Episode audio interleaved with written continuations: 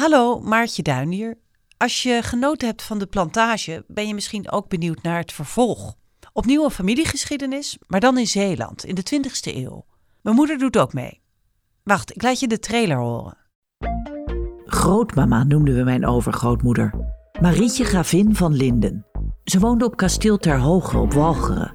Ze had een man, vijf kinderen en minstens zoveel personeel. Zette grootmama zelf wel eens een kopje thee?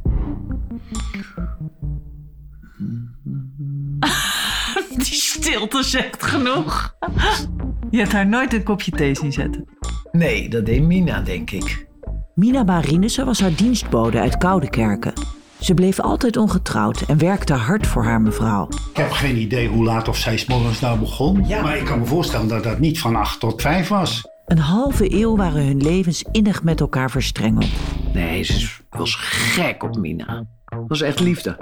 Kan er liefde zijn als er zo'n grote ongelijkheid is? Ze kon geen kant op.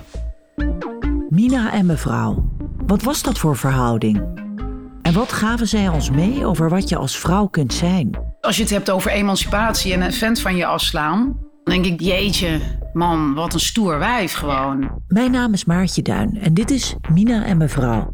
Een familiegeschiedenis over klasse, vrouw zijn en afhankelijkheid. Ja, nee, dat vrouwbeeld dat ik niet goed aan jou heb overgedragen, dat komt wel ergens vandaan hoor.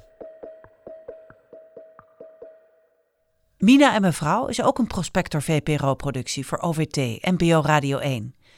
Abonneer je nu in je eigen podcast-app of kijk op vpro.nl/mina.